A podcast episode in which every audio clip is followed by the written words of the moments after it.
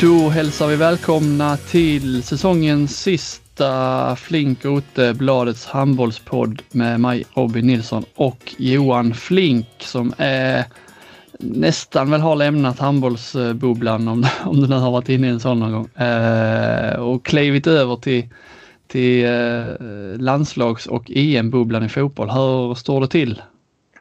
Jo, för fasen. Eh, är i Stockholm här nu eh, och följer landslaget och eh, eh det kom här nu eh, ikväll att eh, Sebastian Larsson är, kommer att vara lagkapten i eh, tränings eller genrepsmatchen mot Armenien. Eh, som han ska vara på presskonferens med Jan Andersson. Eh, och då slog det mig lite sådär hur hur, och det har varit lite snack om att eh, Alexander Isak och Dejan eh, Kulusevski ska eh, bilda anfallspar och sådär. Att man kan sakna lite det här eh, startelvan.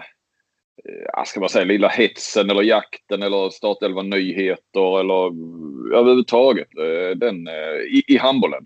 Det finns mm. liksom inget sånt inför, inför matcherna. En, en, ja, man rapporterar lite pliktskyldigt startsjuan när, när den släpps. Alltså om det är, vi snackar om riktigt stora mästerskapen och när det blir lite fart så kan man väl kanske göra det. Eh, när, när, det, när Wander han släpper den på sociala medier i en timme före avkast så mm. brukar man retweeta och sånt. Men det är ju svårt att hetsa upp sig för en startsjua i, i handboll. Det är inte så laddat. Det är lite tävlings, eh, tävlingsnerven saknas där. Det är, ju, det är ju ändå lite tävling just sådana grejer. Det, I handbollen är det ju mer värvningar. Ja, det vill man ju vara först med helst. Mm. Mm. Uh, och startelva är ju en sån, uh, en sån ingrediens när, i, i fotbollsvärlden. Men det saknas lite i handboll. Där är det liksom mer just inför matchdagar och sånt så är det ju uh, det man kan titta lite så på det är ju liksom förhandsvinklar och sånt, vem som har lyckats bäst. Men det, det, det är inte riktigt samma puls kring det. De blir inte Nej. sällan så lästa heller i eh, vanliga, vanliga förhands. Eh, så det, ja, jag håller med dig, det, det kan man sakna lite. Det, det får mm. man inte så mycket av heller i det dagliga när man är på lokaltidning. Nej. Det är inte så mycket att konkurrera med. Ja. Nej, men spekulationerna liksom kan ju vara flera dagar där vilka som ska om man försöker utläsa träningar och man får, får eh, eh, försöka utläsa vad, vad förbundskaptenen vad han säger, hur man ska tolka det. Det blir lite sån här kremlologi eller vad det heter. Mm. Sovjetunionen. Du kör ju rätt. Ja. ja. ja. Nej, men jag skulle säga det, det, det slog mig bara att träningar. Eh, man får ju knappt se några eh, landslagsträningar i handboll längre. Det är ju faktiskt nästan så att vi får se mer av fotbollslandslagets träning än handbollslandslaget numera. Eh, är det så? Svängt lite där. Ja, nu får tänka till lite också.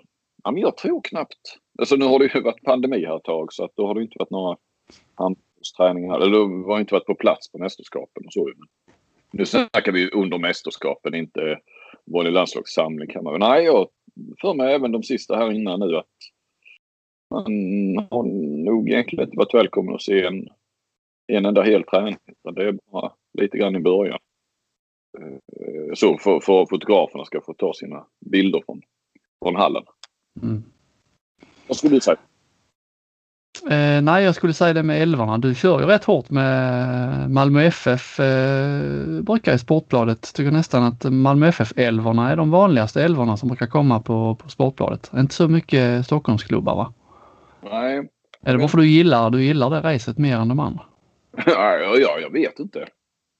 Eller så, eh, nej, jag vet inte heller om, om det är svårare att få loss dem från, från uppe i Stockholm eller, nej jag vet inte varför det varför det har blivit så egentligen. Men mm. Det känns som att det är rätt stort intresse kring eh, MFFs startelvor. Alltså framförallt om det är så när, de petar någon. Det är ju rätt så tuff konkurrens i Malmö så det är ju alltid någon det är någon nyckelspelare eller stjärna som nästan alltid är bänkad ju.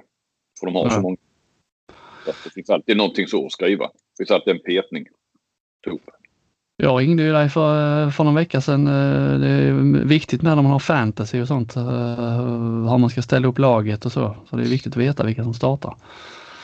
Jag ringde och frågade om eh, Christiansen har han skada var. Men det var bra, jag fick bra info. Byta ut honom och han spelar inte heller. Nej, Nej det, det är Sportbladet du ska vända dig till. Det, I dagens eh, podd blir ju lite av en, eh, det känns som att det var länge sedan det var handboll nu. Det blir lite av en eh, ny, nyläge och lite framtid och summerande podd kan, på ett sätt kan man väl säga med lite eh, punkter från både det ena och det andra. Och vi, någonstans får vi väl ändå börja med liksom veckans stora snack i så här långt och det var ju när du försökte sätta Janne Andersson på plats på Eh, det var någon presskonferens häromdagen med, om en ben, gammal Bengan Boys story. Och sen har detta bara fortsatt på Twitter hela veckan med eh, Wander har varit inblandad och Henrik Jonsson har varit inblandad och att har Janne han har fått eh, flera sms om detta också, har det verkligen, hur det ligger till. Berätta lite, jag reagerade ju direkt när jag hörde din röst och det kom upp någon handbollsstory och du sa Janne, jag vill ju inte vara besserwisser men. Och sen, sen drog du. Och han, oh, han köpte. jag tyckte det var kul. Uh, och han tittade skeptiskt på dig. Som att nu har du fel här Flink. Men hur var det egentligen? Vad, är det, vad, vad, handlar, det, vad handlar allt om? Janne tog ju upp eh, när han pratade väl om sammanhållning och, och, och ja, ledarskap och sådär. Eh, den gamla historien när Bengan Boys, eh, eller när Bengan satte ihop två stycken spelare som hade varit i luven på varandra i en SM-final. Eh, och sen när de kom till eh, en landslagssamling så satte han dem i samma rum. De, är ju, de bor ju 2-2 i handbollen, det gör inte fotbollen längre. Eh, och då sa han att det var Magnus Andersson och Magnus Wislander. Eh, och då tänkte jag ju direkt att nej. Och sen så jag satt och smsade med Simon Bank också under presskonferensen där på ställen. Han, han, hade, han var hemma och eh, vabbade. Så skickade han med en fråga där så därför hade jag lite kontakt med honom. Och så skrev jag till honom, nu är han ute och reser här. Eh, eh, Janne, det är ju, Frändesjö. Och så fick jag tillbaka, bara hugg, skrev Bank. så, klassiska. Ja, det var ju lätt att hetsa upp mig där. Jag tänkte, nu måste jag ju, då var det ju handboll. Och då, eh, du vet, då vill man ju bara liksom för det var inte jag som hade ställt frågan. Jo, det var det kanske om sammanhang. Men sen hade, gick det ju vidare så att Eh, Eh, det, grejen var att jag hade ju inte mikrofonen då. Eh, det är ju mikrofon, där är två personer i lokalen eh, från förbundet som håller fram mikrofoner eh, när man ska ställa frågor. Och den hade ju liksom, den var inte hos mig längre då. Eh, ordet hade gått till någon annan eh, där. Så att, egentligen skulle man ju bara vilja skjuta in då lite. hade man ju kunnat göra om det inte varit mikro, mikrofon och sådär när jag hade sagt detta. Att, eh, så därför, ja det blev lite krystat. Det blev inte sådär spontant på uppstuds. Men när, jag sen då fick mikrofonen igen för att ställa några fler frågor så, så passade jag ändå på att inleda med att det, det var ju Frändesjö och inte Wislander som Magnus Andersson eh, placerades ihop med av, av Bengan. Och då tittade alla fotbollsjournalister på dig som att vad fan snackar han om nu Flink? De hade ingen aning. Nej, men grejen är att jag tänkte, min tanke var bara att oj, nu, alltså, det var faktiskt inte för att sätta Janne på plats. Det var jag tänkte att, och jag vet att Fotbollskanalen skrev ju en grej, eller vill ju citera honom. Tänkte bara ge honom chansen att, att säga rätt. För jag tänkte bara, nej men nu, han bara blandade ihop eh, Frändesjö och, och Wislander i hastigheten sa fel namn. Eh, men då sa jag ju det att det var, det var eh, jag vet inte vad besserwisser men, men det var väl ändå Frändesjö som, nej, sa han. Jag har själv kollat med Magnus Andersson. Det var Wislander. Hopp! Det blev liksom inte sådär, eh, ja, tjo och kring det då ju. Så, ja, och sen fick vi ju presskonferensen rulla vidare då. Tänkte jag att det här måste jag ju gå till botten med för att jag vet att jag har hört den här historien. Jag tror till och med att jag i, i början på min uh, journalistkarriär, uh, vad fan kan kalla det. Men, men uh, då var ju Magnus Andersson uh, fortfarande där. Jag tror det var VM 2003 hans sista VM och då var ju Frändesjö med. Jag tror att jag pratade med dem om det här då. Jag tror aldrig jag skrev det. Det inte finns på nätet. Ja, eller om jag har nämnt det någon gång i bloggen kanske. Eh, och så hade jag lite svagt så här att jag nog hade läst i Bengas bok också. Där han, som handlar rätt mycket om hans ledarskap och den här historien. Så jag tänkte ja, men jag drar ett sms till eh, Magnus Andersson. Eh, jag, tänkte, jag ska inte heller eh, liksom ge någon... Jag skrev sammanhanget att, att eh, Jan Andersson pratade om och, och utan höll upp, en öppen fråga. Vem var det? Eh, då dröjde, fick inget svar eh, av honom utan eh, det dröjde lite grann och då eh, drog ett, ett sms till Frändesjö. Eh, som, som var lite snabbare. Och Han är på tå. Ja, Frändesjö på tårna. Och, och då skrev han att ja men det var jag eh, efter att ha vunnit mot Drott 93 inom parentes tror jag det var. Då hade jag varit i luven på Magnus han var inte glad på mig. Då placerade Bengan mig och Magnus på samma rum på lägret tätt efter finalen. Smart drag och det blev bra. Eh, och sen eh, mässade jag ju till eh, Wislander där också i väntan på, eh, på Magnus Andersson-svaret. Och hela det här följdes ju då. Jag satt ju bredvid, eh, det var ju träning där sen, så jag satt ju med, med Fotbollskanalen som skulle skriva om detta, eh, Andreas Sundberg där. Så att, kunde ju köra en liten live-rapportering från hur jag skulle reda ut det här. Eh, och då skrev jag till Wislander. Det var lite mer sluten fråga. Visst var det Frändesjö inte du som placerades i samma rum som Magnus Andersson och Bengan en gång efter något bråk i en SM-final? Wislanders svar. Kommer inte ihåg. Så, det är så väntat att Frändesjö är på tårna direkt. Wislander, ja. ah, jag vet inte. Jag, vet inte. Nej. jag frågade Wislander, men du hade väl kommit ihåg om det var du? Det dröjde rätt länge så kom svaret. Så kan det vara. Ja, och sen så kommer ju då Magnus. Ja, jag tänkte jag sa ju till Fotbollskanalen. Allt är utrett. Eh, det var, eh, det var Wislander. Eh, det är Frändesjö, förlåt. Ja, nu blir det ju riktigt rörigt. Då, då svarar Magnus Andersson på mitt första där. Eh, tror det var Wislander. Då fick jag ju rätt. Men var det inte Frändesjö? Frändesjö säger att det var han. Och då svarar han, då var det säkert så. Han har bättre minne än mig. Eh, sen blandar ju eh, Henrik Jonsson in sig i detta på Twitter. Eh, för jag meddelar ju det här lite grann kring. Det var ju dig jag svarade där, för det var ju du som drog igång. Mm. Att han hade, han har ju skrivit en bok med Jan Andersson. Och att eh, jo då, det var eh, Magnus Andersson. Eh, han hade själv ringt och kollat med, med Magnus. När han skrev boken med Jan Andersson. Och, och hade en, eh, en facsimil från den här sidan också där, det, där Janne beskrev det. Och eh, då hade ju Magnus Andersson sagt att det var Wislander. Eh, eh, så då blev det lite sådär, ha vad fan. Men då kommer ju eh, Daniel Wander då, eh, landslagets presschef och blandar sig i leken med eh, en bild från den sidan från Bengan Johanssons bok där han beskriver att jo då, det var ju Magnus Andersson och Martin Frändesjö. Så där är vi. Så att eh, vad, vad, vad är nästa steg i det här? Är det, liksom, eh, är det utrett nu? Hade, man, hade du vunnit en fällande dom eller vad man ska säga ja, det, på detta? Ja, det måste man ju, får man ju lov att säga att det hade jag. Men Sundberg hetsar ju på lite nu i Fotbollskanalen. Att han tycker att eh, nu presskonferensen här med Jan Andersson på, på fredag, nu är det ju torsdag kväll här när vi spelar in. Att jag ska begära ordet först, få första frågan. Inleda med att att, att jag hade rätt. Det var Frändesjö. Men faktum är att Jan Andersson är faktiskt rätt så oskyldig därför att det är Magnus Andersson som har sagt fel och vilselett honom. Så det är inte så konstigt att han både skrev i sin bok och sa på presskonferensen att det var Wislander. Det, det, man tycker ändå att det är konstigt att som sagt, det här är ju ändå en rätt så känd historia tycker jag i Bengan Boys. Alltså jag hade ju koll på den då man läst Bengas bok och, mm. och sådär. Men att Magnus Andersson, även om det har gått en vad det nu är, en 24, 25, 27 år eller vad det blir. Eh, att, att, han, att, att han inte kommer ihåg att det var Frändesjö. Det borde ju vara en, ett sånt, eh, en sån händelse man minns när man, själv, när man själv har varit involverad.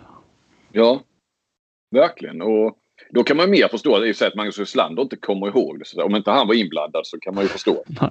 att han inte kommer ihåg det. Han, kan, han kunde heller inte säga nej. Eh, det tycker jag, det hade man väl ja, kanske också det. Ah, ja, men då, då gäller det att följa fredagens presskonferens också. Jag tycker också du ska eh, begära ordet först här. Jag vill ha, jag vill ha eh, Andersson mot väggen. ja, nej, men jag, jag kan faktiskt känna att eh, jag känner lite för att göra det. För att eh, Janne har ju ändå humor och så och är väldigt, väldigt handbollsintresserad. Alltså han är ju då och då sådär pratar vi lite grann handboll och och drott och sådär. Han håller ju framförallt på drott. Och, såklart. Men han följer ju handbollslandslaget och följer dem i VM och skickar ju någon hälsning där väl via satt till, till Glenn Solberg och landslaget inför finalen. Så, så att, eh. men eh, nej, lite grann. Samtidigt så kanske det får lite för stora proportioner. Jag vet inte vad. Kollegorna kanske blir lite trötta på den. Men men, där, det var den ja. Ja. Men jag vet inte riktigt om det är veckans eh, största, största Nej. Det tog i lite. Och dessutom att det pågick hela veckan. Alltså det här det hände igår eh, Robin. Det, var det igår det hände? Ja, det, ja. det var flera dagar sedan. Jag har fått så många, jag har ju varit taggad i era, liksom på Twitter i diskussionen mm. där så man har fått så mycket eh, mycket sån här pling. Eh, det är kanske därför. Men okej, okay, det var igår.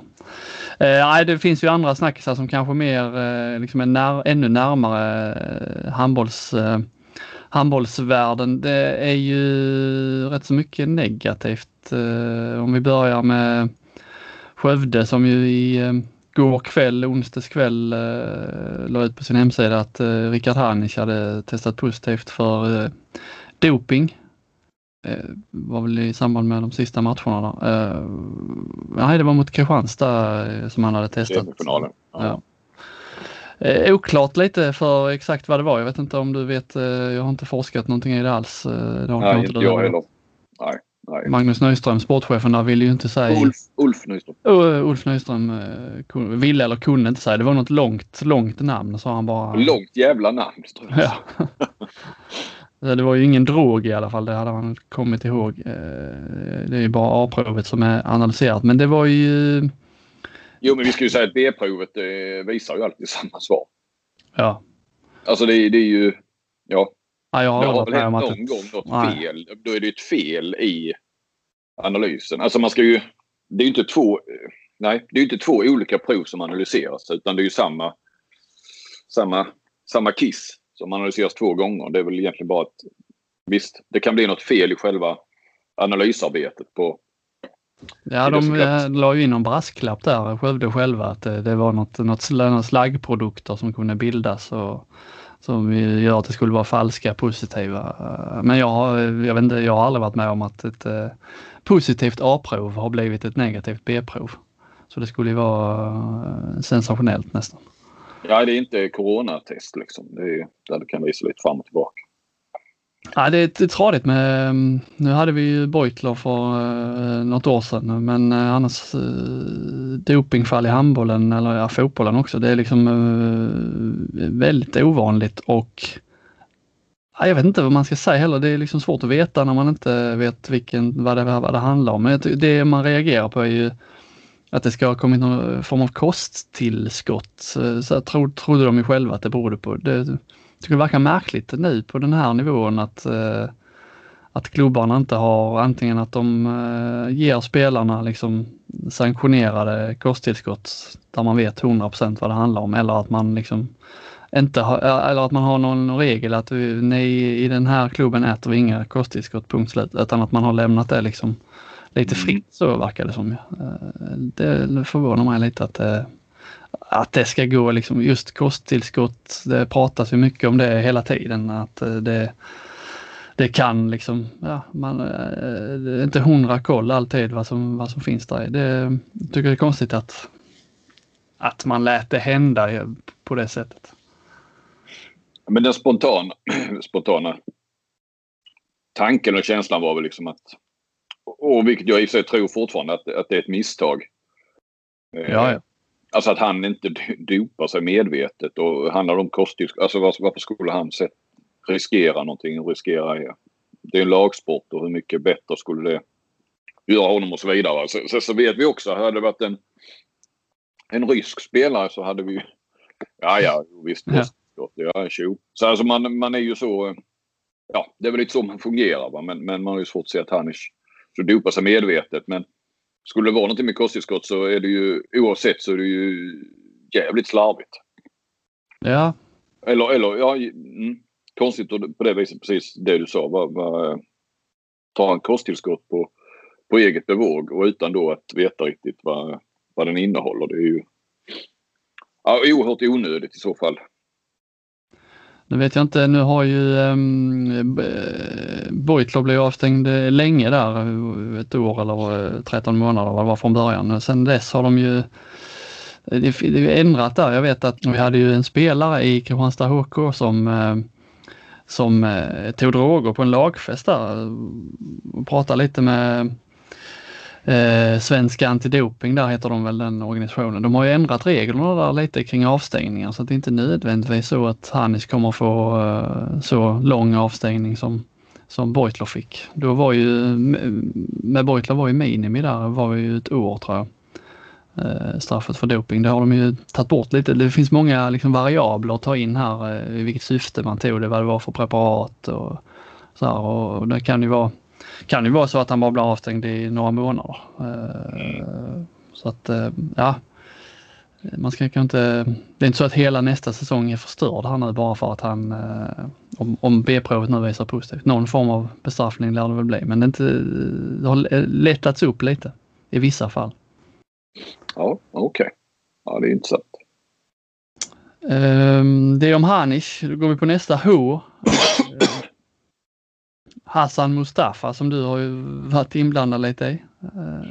Eh, IHF har ju varit i, ja det är sällan, det var länge sedan om ens någon gång jag har, eh, att det har varit så liksom, så stark kritik och så många toppar får man ändå säga eh, inom IHF som har liksom vågat eh, tala ut eller vågat kritisera och hoppat av. Och börjar ju med domarchefen kan vi väl kalla honom för att hålla det enkelt. Eh, Gallego som, som hoppade av i, eh, i ilska får man väl säga. Var, när Hassan Mustafa skulle blanda sig i vilka, vilka domare som skulle fördöma vilka matcher och det var eh, norrmän som inte skulle fördöma Sverige. Eh, du, ehm, ja, tror du att Tror du att de, den här kritiken biter på, på Hassan eller kommer det blåsa över som det brukar göra? Det är nog en överhängande risk att det blåser över. Eh, så det, grejen är att det går liksom inte att röka ut honom nu heller och få honom att, eh, verkar det som, att ställa honom till svars på något vis. Eh, alltså rent eh, journalistiskt eller så. Va? Det, det är liksom avståndet till honom från kanske då, ja det känns som just nu är det rätt mycket skandinaviska eh, journalister och krönikörer och, och, och tidningar och, och mediehus som, som har skrivit om det här. Va? Men liksom, vi har ju inte en chans att komma åt Hassan Mustafa. Eh, han sitter där nere i Egypten. Och, eh, IOF eh, verkar också skydda honom så ju utåt rent. Eh, jag kommer inte ihåg riktigt nu. Det var väl något, något svar där på Gallego. Ja, de la ju ut. Till slut la de ut en liten text på sin, eh, på sin mm. hemsida. Men det är ju som du säger att, att så många ändå hoppar. Nu är det väl de flesta knutna till den här kommittén om jag har förstått det rätt. Eh, inte riktigt ska jag erkänna nu. Jag har i fotbollsbubblan hängt med eh, sista, vilka de, riktigt vilka de sista är. Men eh, det är ju intressant ändå Gallego. Det, alltså han, ja, han avgick ju i protest. Han har ju fått nog men också att han kändes ju som att om jag nu, när jag nu hoppar av så det ska inte ske tyst utan eh, ja, men indirekt försöker han ju eh, störta Mustafa här från, från tronen genom att, att eh, men han mejlade ju bland annat mig då. Eh, så han måste väl ha valt ut lite eh, journalister eller sajter och sånt runt om i, i, i handbollsvärlden och la ju även ut på sociala medier och så. Alltså väldigt tydligt så att mm. varför han slutar och, och, och försöka ja, få igång en opinion helt enkelt mot eh, Mustafa. Det var liksom jag jag beskrev ju det i en, i en krönika där att Alltså det, det, känns ju konstigt men det går ju alltså inte att, att få bort honom med demokratiska medel. Det är så vi, vi helst vill att det ska gå till. Men, det... men eh, det, det, är ju sättet han har byggt upp sin eh, maktbas på är ju att han egentligen har dratt igång handboll eller i varje fall bildat förbund i små pluttnationer. Det kan ju vara ute i Stilla havet och så vidare som då har Eh, ja, amerikanska Samoa eller vad det finns eh, har ju en röst precis som Tyskland har. Fast det mm. finns, eh, för några år sedan fanns det fem registrerade handbollsspelare i amerikanska Samoa och det finns närmare en miljon i Tyskland. Så, och det är klart, det är ju så det fungerar. Så fungerar det ju i, i, i alla sådana här eh, internationella idrottsförbund. Att eh, ett land är en röst. Så det, men, men de är ju... de är så otroligt många då ju i, i Asien och Afrika.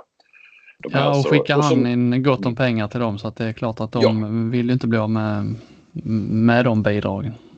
Nej, nej, de är ju helt beroende av, eh, av Mustafa ju. Så, att, eh, så det går ju inte utan det, det är väl det här då som Galego och jag tänkte jag kan väl försöka dra mitt strå till stacken då på något vis ändå också. Mm.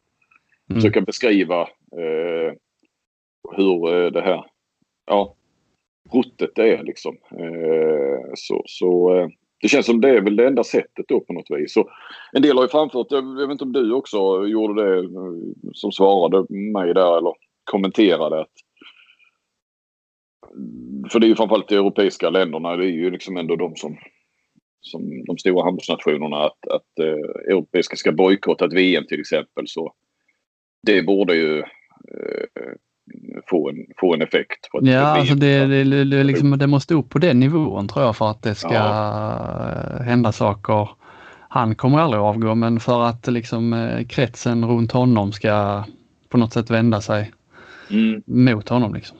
Som den ja, för jag så... tror han skiter i vad vi skriver såklart. Eller vad jag skriver, det skiter han ju i stort stycke. Men alltså den, liksom någon opinion eller så, alltså du vet. Det, den Nej, det, rinner, av, det, rinner, det rinner nog av honom. Ja, ja, ja, ja visst. Det rör inte honom i ryggen.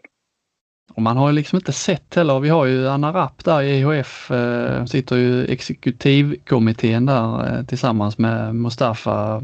Kommer ihåg jag pratade med henne när när jag gjorde det här eh, 7 mot 6 reportaget och hon var ju liksom, eh, hon var ju positiv till honom och tyckte han, eh, han vill väl och så. Så att det, det, det känns ju som att det är klart, det kan man ju säga eftersom man inte, om man inte vill, man kan ju tycka någonting annat eh, när hon sitter vid frukostbordet men eh, säger utåt om hon inte vill stöta sig. Men eh, känslan var ändå att hon, att hon liksom, nej, eh, han vill väl och, och, så här att det var den inställningen. Och det är ju liksom det, så länge den, de personerna närmast honom i den liksom, eh, högsta ledningen tycker så, så är det ju, du skulle säga det är helt omöjligt och eh, få till en förändring om inte eh, de största nationerna säger att nej, vi, eh, vi tycker det här har gått för långt. Vi vill inte ställa upp i VM så länge IHF-ordföranden har liksom ska in och, och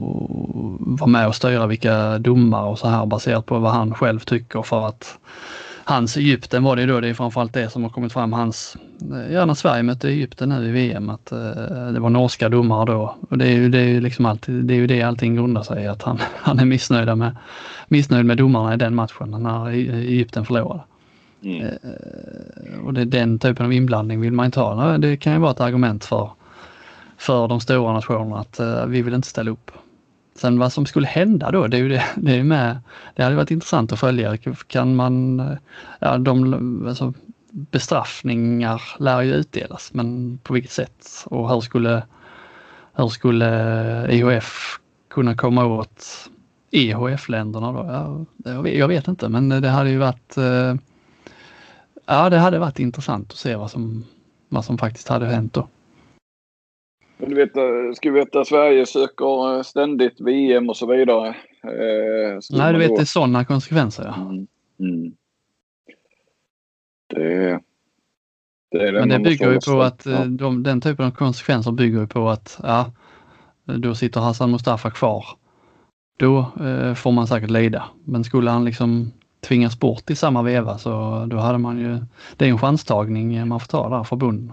Och det krävs ja, rätt ja, mycket men... liksom, eh, att varje förbund, det, det, det hjälper inte att bara Sverige hoppar av utan det måste ju vara någon slags samlad, samlad kraftmätning här. Ja, ja. Och, precis. Å andra sidan då, då finns det inte så många länder som kan arrangera ett, ett stort världsmästerskap idag känns det som. Det är ju nästan bara alltid europeiska nationer som... Mm. De flesta VM går ju i Europa. Mm.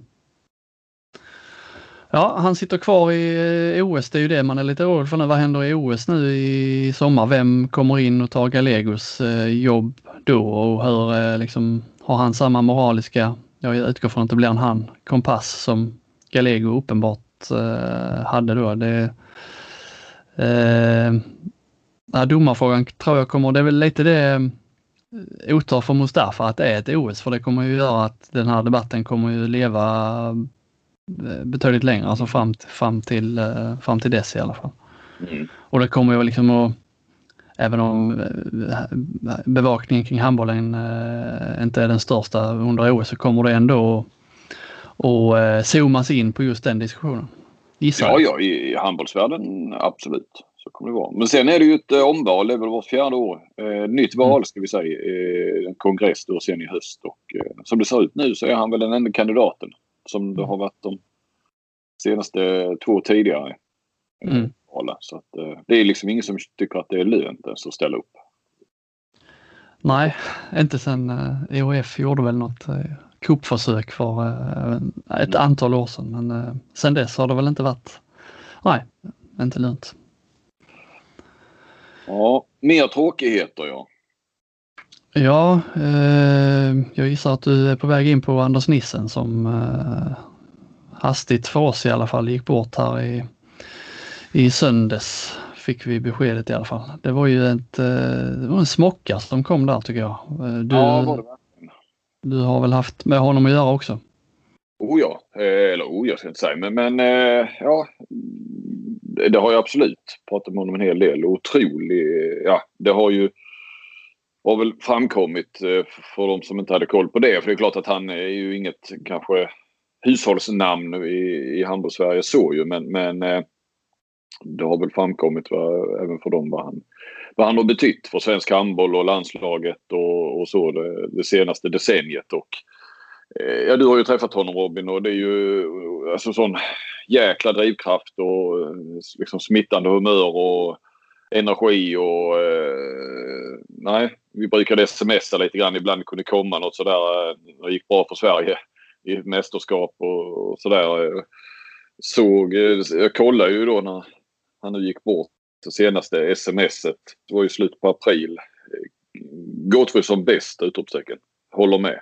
Otrolig form. Ja, det var väl efter det jag hade mm. försökt slå fast att han var bäst. Men då, då eh, jag kommer inte ihåg vad det var där i slutet på april för, för matchen. Det var nere i, i Flensburg eller vad det var. Men eh, nej. Nej, det var jäkla... Nej, det var, man brukar missbruka det och gått inflation i ordet chock. Men jag får nog säga det. Jag, det kan min sambo intyga när jag satt där vid köksbordet och, och, och, såg det på Twitter tror jag det var. Att det var väl en länk tror jag till er. Ja. Eh, till er, eh, er artikel där. Han har alltid varit, eh, alltid varit ett, eh, han är ju från Kristianstad, alltid varit ett stort, stort namn så här bland eh, både, eh, alltså han är ju dels för sin eh, företagsamhet och dels för sitt stora handbollsintresse. Han var ju flitig gäst hos oss i, vi hade ju sån här Studio KB på beachhandbollen varje sommar i, i några år. Han var ju en kanongäst att ha där liksom. Bjöd på sig själv, energi, karisma. Det var liksom, eh, man kunde bara sätta sig och så ställa en fråga och så låter han ta över showen och så eh, var vi hemma. Och ödmjuk, eh, liksom, ja, lätt att ha att göra med även om han var liksom den eh, makt. Ja men han var ju, ja precis, han var väl, ja, pamp är ju fel, men liksom eh, jätte, alltså var ju ordförande i handbollslandslaget AB, det här landslagsbolaget och jag menar vad var bolaget värderat till 60 miljarder eller någonting, hotellfastighetsbolag och mm. eh, jag menar, ja, Nej, men liksom hade ja, men så, tid och såg alla och, och, så. Nej. Usch, och det var ju då i sviterna av corona så att eh, jag hade ingen aning om att han hade varit sjuk då någon vecka eller så. Jag förstod ju att då framkom ju det nu när han gick bort att de hade väl gått ut Pandox, hans det här hotellfastighetsbolaget, att eh, det var, de hade en tillförordnad VD då sedan någon vecka. Eh, hade man sett det hade man väl kanske kunnat förstå att, att, att det var allvarligt. Ja. Men Ja, det var, det var ju han som lärde, jag kommer ihåg vi, eh, det var någon eh, match i Kristianstad för eh, var ett antal år sedan och efter matchen så hade vi, jag och Patrik hade följe med Nissen. Vi gick, gick från arenan upp till redaktionen. Han skulle sova på ett av sina hotell där i, i stan. Och jag kommer ihåg vi gick där och han liksom verkligen tryckte på hur, eh, hur viktigt det var att inte skriva orange eh, när man skrev om IFK Kristianstad utan det skulle vara brandgul. Ja.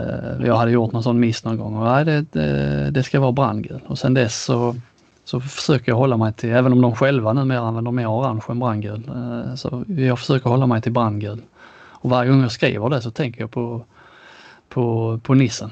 Så det är det man kommer, kommer ha med sig framöver. Ja, vi eh, saknar dig redan, eh, Anders Nissen. Det var, eh, ja, det var oerhört tungt faktiskt. Mm.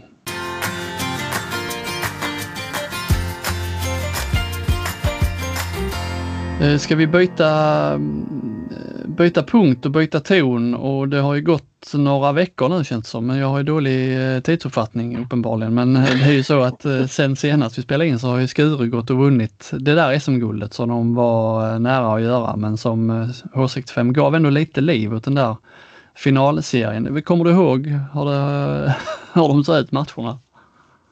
Nej, för att jag missade faktiskt eh, de sista matcherna. Jag såg väl egentligen bara den första hela matchen.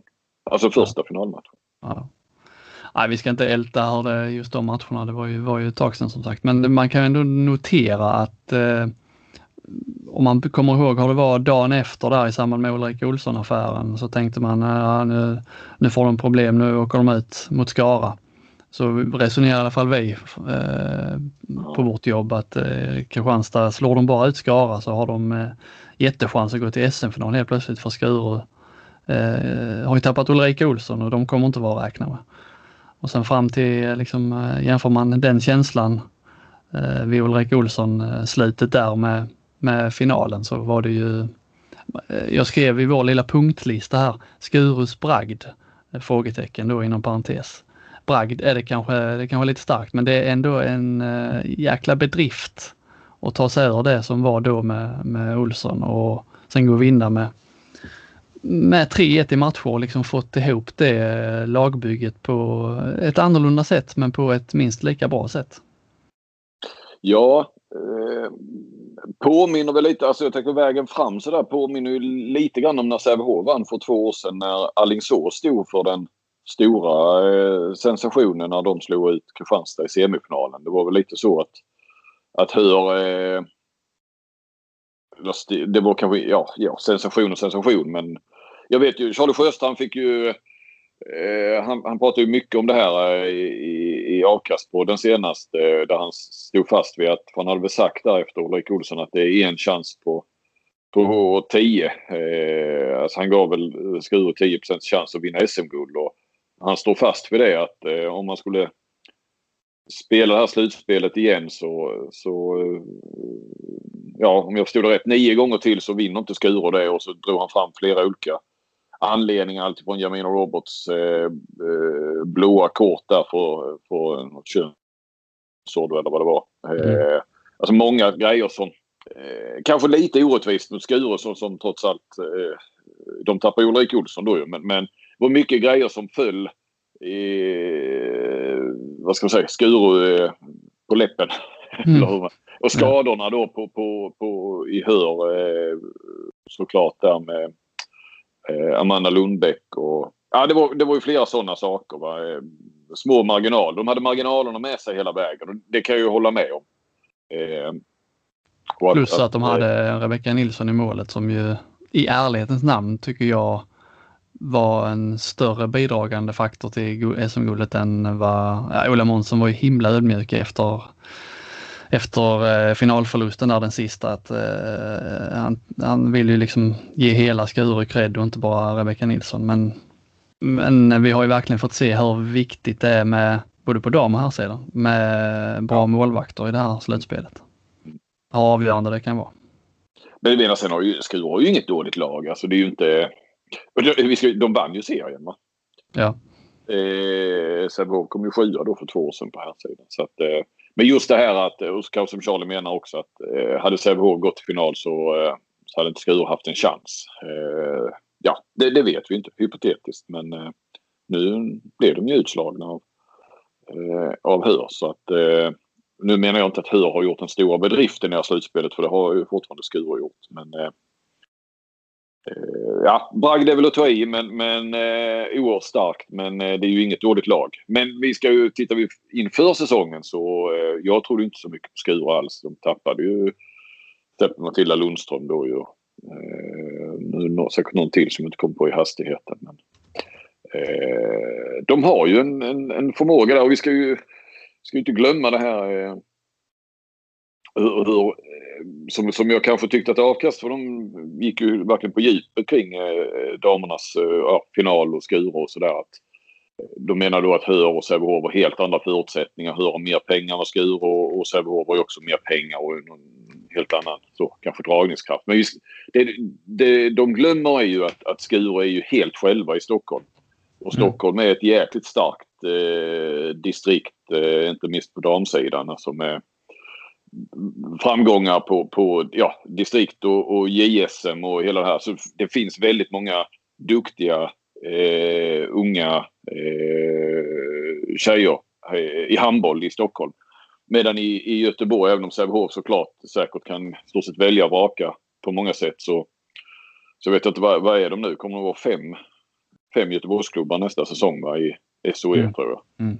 Eh, så, så kan ju verkligen Skuru där de tar från Gustavsberg och, och så ju, eh, som är en plantskola. Och, och, och har ett, ett, uppenbarligen fått till ett jäkligt bra system att eh, eh, slipa till de här diamanterna och, och så. Va? så att, eh, ja. Men man kan väl också se det här då med Ulrika Olsson borta. Eh, eh,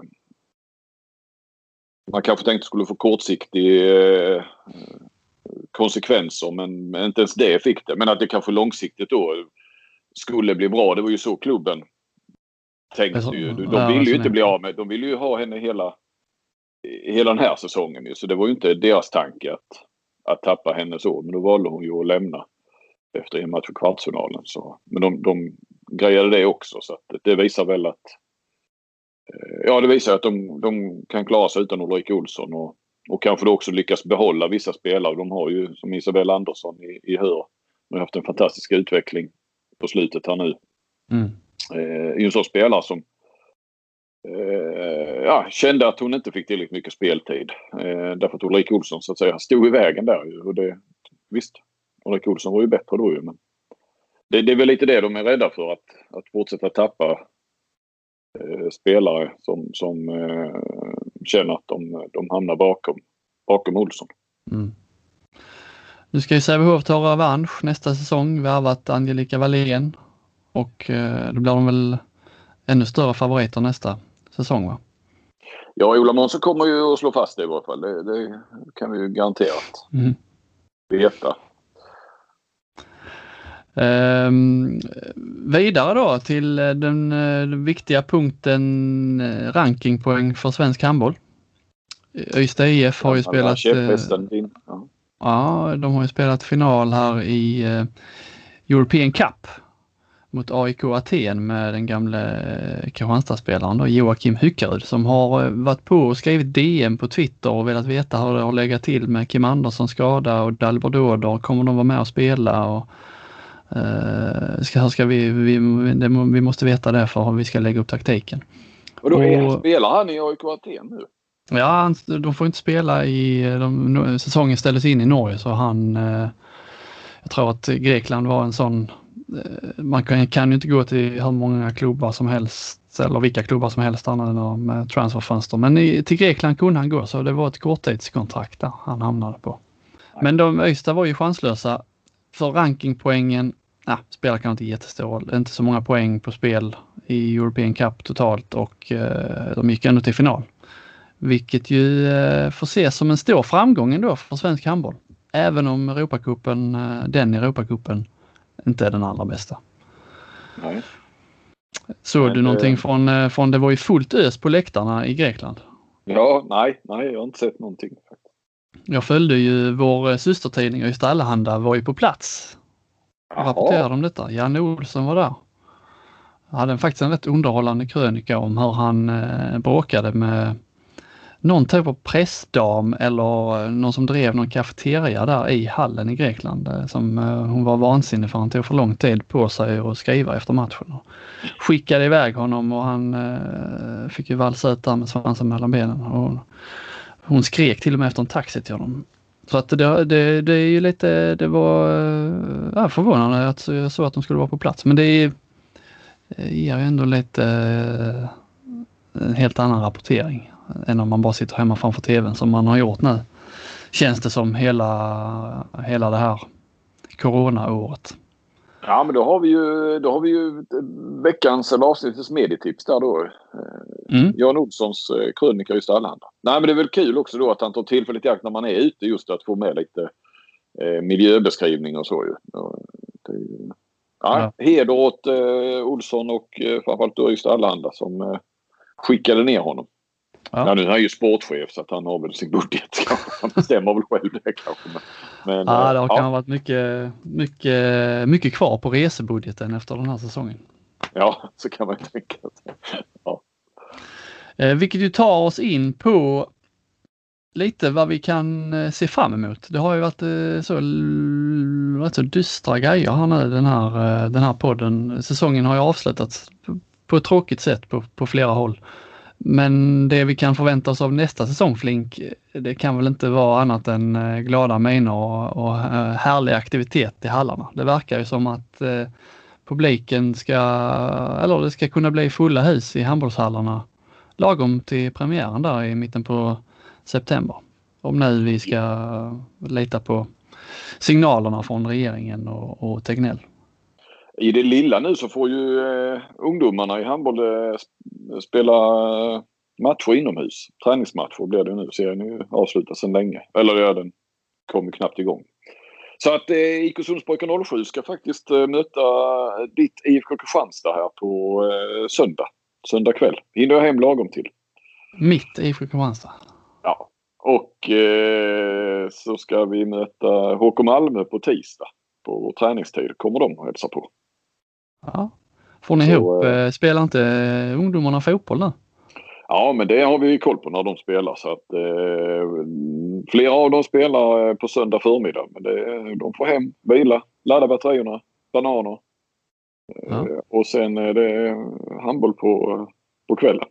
Nej, men det är ju, vi har ju nästan, vi är nere på en gång i veckan nu här fram till midsommar. Men de vill ju inte sluta träna heller. Och Eh, Eh, fast det är ju mycket fotboll nu för, för de flesta. Så, eh, men det är väl för att det inte har varit några matcher och turneringar. Det har inte varit så intensivt så ju, eh, säsong. Det kan man väl känna som ledare också. Att, eh, hade det varit som vanligt så hade det ju liksom varit eh, två matcher kanske. Vi har två lag varje helg och eh, köra ont en massa bortamatcher och turneringar och sådär. Man har varit rätt så slut eh, kanske så. Bara velat ha en, ha en paus. Men, eh, så är det inte riktigt nu. Eh, men vi bara nu när vi fick möjligheten från i tisdags var det väl då som man eh, fick börja så tänkte vi att då, då gör vi det innan vi tar sommarlov. Spelar ett par matcher så man får, de får känna på det. Ja, det eh, unnar jag ungdomarna. Ja. ja, men det är precis. Nej, men publik till, eh, till hösten ska ju... Eh, nej, det, vi har ju verkligen eh, någonting att se fram emot. Publik blir det väl inte riktigt då till, eh, alltså bara vi säger om publik så är det ju att Svenska cupen är tillbaka är ju ändå eh, är ju ändå positivt egentligen av två anledningar. Dels själva kuppen i sig, att det kan bli om den kommer igång och man hoppas ju att de ska få ordning på det så att det ändå blir lite liksom drag kring det. Eh, och det innebär ju också lite i skymundan att poolspelet försvinner för all framtid då förhoppningsvis ja. eh, i handbollsligan. Och, och, det är gött, bara det. Men eh, publiken blir inte riktigt i kuppen gissar jag. Lite kommer det väl att finnas. Men eh, den drar igång där i, eh, i augusti med då eh, ja, gruppspel där eh, Kristianstad ska möta Vinslöv till exempel. Lite roligt derby även om de hade kanske mött sin träningsmatch i augusti i vanliga fall. Men nu är det ändå lite på spel. Och eh, ja, det är ju den här regeln som jag undrar lite vad du tycker om. Eh, att det ska vara bonusstraffar, du vet sådana här shootout-straffar ska det ju de lägre lagen få skjuta. Eh, jag vet, det var det kanske du som gjorde det med Med Helt Jepsen i, i Skövde ja. att han var ju mycket kritisk till detta upplägg. Ja, verkligen och att de garvar åt oss i, i Danmark. Mm. Eh, alltså jag, jag är ju faktiskt så, jag tycker inte det är så, jag tycker det är rätt kul.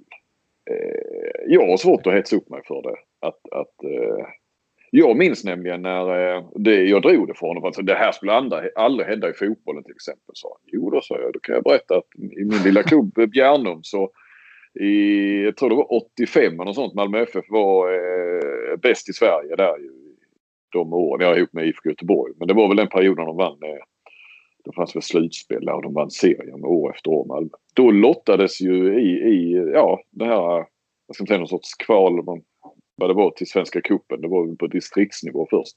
Då lottades eh, Bjärnum mot eh, Malmö FF som kom med ju ett ungt lag. Eh, för de hade ju massor med landslagsspelare. Men hon har inte sån här Joakim Nilsson, Stefan Schwarz. Eh, ah, Stefan Schwarz måste vara för ung där om det var så. Ja, det var ett gäng där i alla fall som...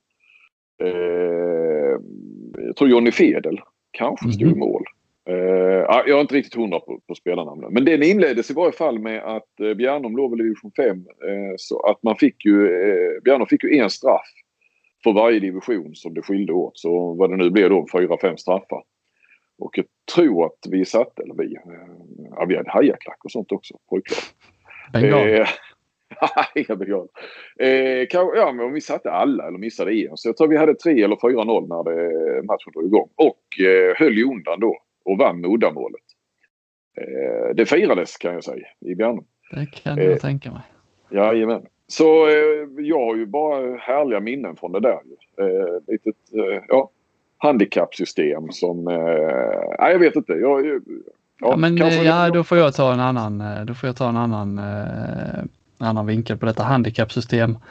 Det bästa exemplet är väl när de skulle trycka på eh, Mikael Schumacher eh, extra vikter i sin, eh, i sin bil för han var för överlägsen. Det, det känns inte riktigt seriöst.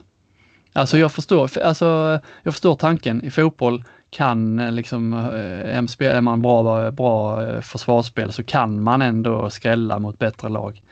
I handboll är det ju betydligt svårare när det blir så mycket mål och för ett sämre lag och, och skrällvinna. Så jag förstår ju tanken med att man vill ändå ha lite nerv i matcherna. Men ändå, jag tycker det känns, det känns som en sån här lite plojturnering att den, den som är lite sämre ska ha, ah, vi börjar, att det ska vara lite kul så. Eh, I, I, en seriös turnering där det ändå står en Europacup-plats mm. på spel. Så ja. där är jag lite. Nej, men jag förstår det är oseriöst jag förstår eh, både dig och Jepsen där absolut. Men jag kan också tycka att eh, lite, lite kul kan vi väl få ha på vägen. ja, jag, jag, ska inte hetsa, jag ska inte hetsa upp mig mer än så. Men, eh, jag ska ändå erkänna lite kul är det med shootout-straffar ändå. Eh, jag gillar inte det. är vanliga straffar. Ja, så tycker du det också? Eh, när det är liksom när det är finalmatcher och det ska avgöras efter förlängningar, då hade jag velat ha vanliga straffar. Men i någon form, jag tycker ändå det är rätt kul att se de här shootout-straffarna i någon form. Så jag får kanske acceptera då att det, det blir i den här formen. Du är lite som, eh, där är du lite som, låter lite som Jan Andersson nu som han sa. Jag är inte konservativ. Jag vill bara att det ska vara som det alltid har varit. ja. ja, det är bra. Eh, vad, ser du mest fram emot i övrigt nästa säsong? Jag fokuserar mycket på Kristianstad om deras eh, kräftgång. Eh, är, de, är den över nu när Jonas Wille kommer, ny tränare, publiken tillbaka, eh, ny ordförande kommer det bli här i sommar. Eh, det känns som att det kan vara en, en vändning på gång i luften även om jag inte eh, kanske tycker att eh, truppen är bäst i nuläget eh, om man tittar på de övriga i handbollsligan. Vilka, vilka lag, är det något lag som du ser som, som klar guldfavorit redan nu? Ja men då får jag nog säga Sävehof ändå. Mm. Eh, absolut tappar de tunga, tunga namn men eh, får ju in också tunga namn. Eh, Apelgren har redan har nu fått ett år på sig, levererade direkt. Eh, de vann ju faktiskt eh, SM-guldet klart och vann grundserien så att eh, nu får de gå in som, som klara favoriter. Eh, lite, lite tveksam får jag säga ändå med Nu när jag har tänkt efter med Sten. Det är liksom inte likt Sävehof riktigt med att ta eh, hemvändare så som, eh, som eh, alltså det nya Sävehof. Där har det varit ungdomarna liksom. Att nu kommer Stenbäcken hem. Hemvändare och handbollsligan brukar ju i majoriteten av fallen inte bli sådär jättebra. Nej, verkligen inte. Det är ju ofta floppen succé får man väl lov säga. Och han förväntas, ju, han, får, ja, precis, och han förväntas ju ändå, gissar jag, han eh, förväntas få en stor roll i laget. Nu har man ju inte sett Stenbäcken på ett tag eh, men eh, ja, jag höjer en varningens flagg där. Ja, ja, nej, men de är inte, nej, nej, det är inte liksom MFF i allsvenskan så att man bara kan, de, de ska jogga hem det eller så. Absolut inte, men, men för mig kommer de vara favoriter, men det är ju det ska bli väldigt intressant att se vad, vad Kristianstad och Ystad och Skövde och Malmö. Malmö såklart ja. Och Hammarby. Det ska bli rätt kul att få tillbaka dem faktiskt. Med Helge Freiman och lite koll på ekonomin och äh, Fahlgren kvar som tränare. Det, det känns som att de kan vara ändå ett lag som är tillbaka för att stanna nu ett tag. Ja, men låt dem då få bygga detta i lugn och ro så att vi inte får den där ekonomiska baksmällan för, för vad det kan det vara, fjärde, då, femte då hade, du, då hade du blivit trött Flink. du är ju trött redan. Liksom. Ja. Du säger kontroll på ekonomin. Ja, jag, jag tror och hoppas verkligen att det är så denna gången. Men vi har hört det förr. De har kommit upp, de har kontroll på ekonomin och de ska bygga långsiktigt. Och sen blir det inte så. så att, men något topplag kommer de inte vara. Det nu får Hammarby bygga detta i, i lugn och ro. Och så, eh, du ska inte ägna dem en tanke nu på ett par år menar du? Nej, jo då, jo då, men vi ska inte, vi ska inte håsa det. Eh, absolut är viktigt för, för svensk handboll att det finns ett eh, lag i handbollsligan från Stockholm. Eh, och, och Hammarby är, är definitivt nog eh, det bästa av, av Alltså det, det, det, är ju det med varumärket och hela det här. Det är ju ändå de som har, har lyckats med det eh, på, på, i modern tid så att säga. Efter, eh, efter Hellas så är det ju Hammarby som har, som har lyckats i handbollsligan. Mm. Eh, men men eh, så, så det är jättebra att de är uppe. Eh, men nu ska de se till att hänga, hänga kvar och bygga upp det. Sakta men säkert. Mm. Innan vi börjar håsa någonting. Eh, men man ska också säga något som jag ser fram emot nästa säsong. Eh, SOE också är ju superintressant nu för att nu ska ju eh, revansch eh, för, för Sävehof och, och Höör känner ju säkert också revansch. Och, och Skuru ska försvara en, en titel och vi har faktiskt Skara som också känns som att de, eh, de har ju blivit bättre för varje år under Magnus Frisk. Eh, se om de kanske kan utmana och Kristianstad som alltid tippas eh, sämre än vad de blir av eh, experterna. Och värvat bra faktiskt. Eh, värvat bättre än på många år skulle jag säga. Ja, ja. Räkna inte bort dem ur eh, en jämn kvartsfinal ska de nog mäkta med. Hur var det nu? Vem Sivertsson? Eh, nej, eh, Schäfert slutar ja. Och Sivertsson tar över ja. Ja, det var så ja. Sivertsson mm. blev. Sen blir säkert Schäfert kvar i någon roll skulle jag tro. Mm. Vilket ju är trevligt. Det är ju en eh, ja. härlig man att ha att göra med på många sätt. Ja, verkligen. Det är min nästa punkt är, det ser vi fram emot i sommar och då har jag bland annat då eh, skrivit klubbarnas årsmöten. Eh, för det är ändå så att vi har inte några sådana här jättekonsekvenser av pandemin har inte visat sig direkt. Eh, sen kan det såklart komma på sikt och så framförallt på, på, på ungdomssidan. Men just eh, klubbarnas årsmöten, där får man ju ändå lite facit på hur det har gått eh, det här året. Så det, det, det är det jag ska följa mest i sommar eh, när det gäller handbollen och då OS såklart. Där vi har, podden har en man på plats, eller hur? Ja, podden, podden har en man på plats, ja. Det är undertecknad.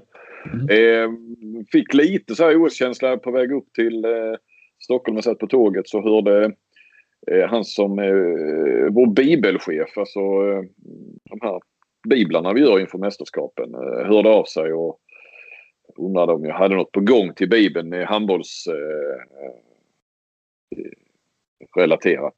Mm. Eh, och det är ju klart så att jag, vad, vad, vill du ha? Ja men han vill ju ha en hel del både dam och herr och Sverige och lite internationell utblick och sådär. Så jag har väl en eh, fem knäck och någon krönika att skriva så det blir många sidor, eller många, ja men det blir det. En hel del sidor handboll i, i, i OS-bibeln. Eh, så då fick man, fick man börja tänka lite så, gå igång lite och ja. Vår gemensamma kollega, min förra kollega Linn och eh, hon som är på Sportbladet nu. Hon har ju hyllat dig någon gång vill jag minnas att eh, inför något mästers, fotbollsmästerskap, fall kan det ha varit VM i Ryssland. Eh, ja, så får jag fråga dig, hur går det med Flink nu då? Ja, han, är, han är otrolig. Eh, jag hade något möte där inför mästerskapet och han hade en hel, eh, en hel bok med olika vinklar som han redan hade tagit fram. Och det, det var alltså flera månader innan det skulle börja. Så det, ja. jag tror sagt att du har gått om uppslag till, till OS-bibeln. Ja, nej, nej, inte ännu men eh, det ska vi nog kunna skaka fram. Och det är inte så ofta man gör sådana i... Alltså, det skiljer ju inte sig jättemycket från eh, andra förhandsknäck inför mästerskap men där man verkligen får Eh, ja men det är ändå lite, lite annorlunda knäck är de. Man får skriva lite längre och, och sådär kanske. Och, och, eh, nej. Får vi se något Hassan, någon Hassan Mustafa-vinkel? Nej, det tror jag inte. Det Nej. blir rätt mycket Sverige och så ska det vara någon sån mer internationell eh, utblick. Jag tänkte lite. Det känns som lite det, The Last Dance i varje fall såklart i OS-sammanhang för en eh, generation som väl har dominerat eh, 10-talet eller så. Jag tänker ju på Karabatic såklart ju. Nu är han ju tillbaka. Sju mm. månader efter korsbands... Efter han drog korsbandet. Så ska vi spela Final Four och sen i OS. Eh, men även eh, Mikkel Hansen, Landin, eh, det gänget. Alltså de kommer ju, Landin och, och, och Hansen kommer säkert spela något VM till och, och definitivt EM såklart. Men svårt att se ändå att, eller ja det vet man inte. De är Spanjorerna gamla, är med sista... Du har ju spanjorerna, du har ju fler fransmän också där va. Gigo och, och Abalou och, och så va. Det hade ju, nu är inte Kroatien med. Eh, Anse Dubniak hade varit en annan sådär. Men jag tror nog att jag kan skaka fram några. Där finns väl några i Tyskland till exempel och så va. Så. På tal om eh, Tyskland Sverige, så, ja eller du vill säga något om Sverige först? Nej men jag bara tänkte medan Sverige, visst Palicka gör ju inte fler OS. Eh, sådär va men eh, det är ju inte liksom eh, det här är inte det. Gottfridsson har ju något OS till i sig och Vanne och, och de här så att eh, det här kan man se lite ändå. Eh, jag tänker Bjarte Myrhol i Norge är väl en sån också som eh, lägger av här nu va. Eh, mm. Eller är han med? Eller liksom, han har varit så mycket skadad på slutet så jag vet inte hur det är med han och OS. Men, eh, känns ändå som Sverige har gjort sin generationsväxling lite grann. Ja, där är ju i alla fall det, alltså det är väl ingen så given spelare som man tänker att det här är sista, sista ja, Ekberg. Ekberg. Ja, Ekberg. Mm, mm. Det är sant. Nej, annars så det känns som att vi är unga och friska och har mycket att se ja. fram emot. Ja. Vad skulle, skulle du säga? Ja, jag skulle säga på tal om Tyskland där. Ehm, Eh, så är säsongen liksom bara för att vi slutar så, så innebär det ju inte att handbollssäsongen är över. För i Tyskland spelar man på. Halva, halva Bundesliga kvar. Ja. Eh, till slutet av juni. Det är faktiskt eh, Jonas Willes eh, Sönderjyske spelar ju final i eh, danska kuppen där, Final Four. Det är inte heller förrän i slutet på juni. Så att eh, en kommer att rulla några veckor. Eh, men tyska kuppen var det ju som spelades här ikväll. Där Lemgo med med Jonathan Karlsborgård och eh, Peter Johannesson då bland annat slog ut Cederholm va? Cederholm med, ja, längre hår än någonsin har jag noterat. Mm. Så en ligamatch häromdagen. Uh, slog ut Kiel lite överraskande och då hade du läst att Peter Johannesson storspelade. Ja, eh, jag läste på, på danska TV2 där. Ja, det, var ju, det här var ju en jätteöverraskning. Kiel ledde väl med sju i paus. Well, det är liksom Kiel. Ja, då, då har de det under kontroll. Men eh, Johannesson storspelade, Lemgo vände och vann och eh, är då i, ja det var väl kvartsfinal då ju så att de har, är ju med då i Final Four. Eh, tyska Final Four som är en jäkligt stor grej i Tyskland. Nu är det väl inte publik eller mycket publik där men, men eh, annars är det ju en jättestor handbollsfest. Eh, den. Och mm. de flesta storlagen är utslagna. Flensburg och, och Rhein-Neckarlöven och Kiel nu och Magdeburg och Berlin tror jag. Så att, Ja, det är lite Nej. kul när det, när det skrälls lite här och var ändå. Ja, men det är bra, bra, för, eh, ja, men det är bra för landslaget också. Jag menar, vi har ju många, många spelare i stora lag men Lemgo kan man inte räknas till dem. Så här, alltså, som vi har snackat om tidigare då. Vi har många i, IOF, eh, vad heter det, Europa League va? European League eh, Final Four där ju och, och, mm. och All, Champions League Final Four och så vidare. Eh, men eh, bra också att ett lag med Lemgo då med, med Johannesson och, och Karlsbogård. Att eh, de får gå långt och framgångar i, med klubben. Det är bra. Mm. Då så Flink, eh, så glömmer vi inte heller i sommar nu att eh, hålla lite koll på den nya ligarankingen som IOF släpper. Brukar vara någon gång här nu i juni, juli i samband med lottningar och så här. Jag ska meddela dig när det sker. Det är bra. Kan vara så att Sverige har klättrat någon placering. Härligt! Vi eh, tackar för den här säsongen. Ser väl om vi eh, kanske kör någon podd i samband med OS inför OS där. Vi mm. ser lite hur, hur landet ligger och var vi är i. Eh, vi har förstått att det är ju otrolig spridning på avkasttider med OS-handbollen. Ja, det är härligt det. Ja, jag tror lokalt lite, tid. Lite nätter och allt möjligt. Ja, ja visst det blir det ju för. Och, och lokal tid där så kan det gå alltid från att man spelar på tidigt på förmiddagen till rätt sent på kvällen. Så att, eh. mm. Det är nästan det man ser fram emot mest när det är OS, att man får, uh, ska få vara uppe på nätterna och titta. Ja. Robin ska få vara uppe på nätterna, ja. Då har jag ju ett uh, nytt litet barn också så att uh, har, Ja, du ska bli tvåbarnsfar. När är det dags då? Det är nu. Nu när som helst. Oj, oj. Det är bäst vi lägger på. ja. Ja, eh, nej men eh, tack för den här säsongen. Det har varit kul som alltid. Vi hörs eh, säkert i samband med OS, det tror jag nu. Ja, det gör vi. Och du ska ha tack. Lycka till på EM. Ha det bra. Hej.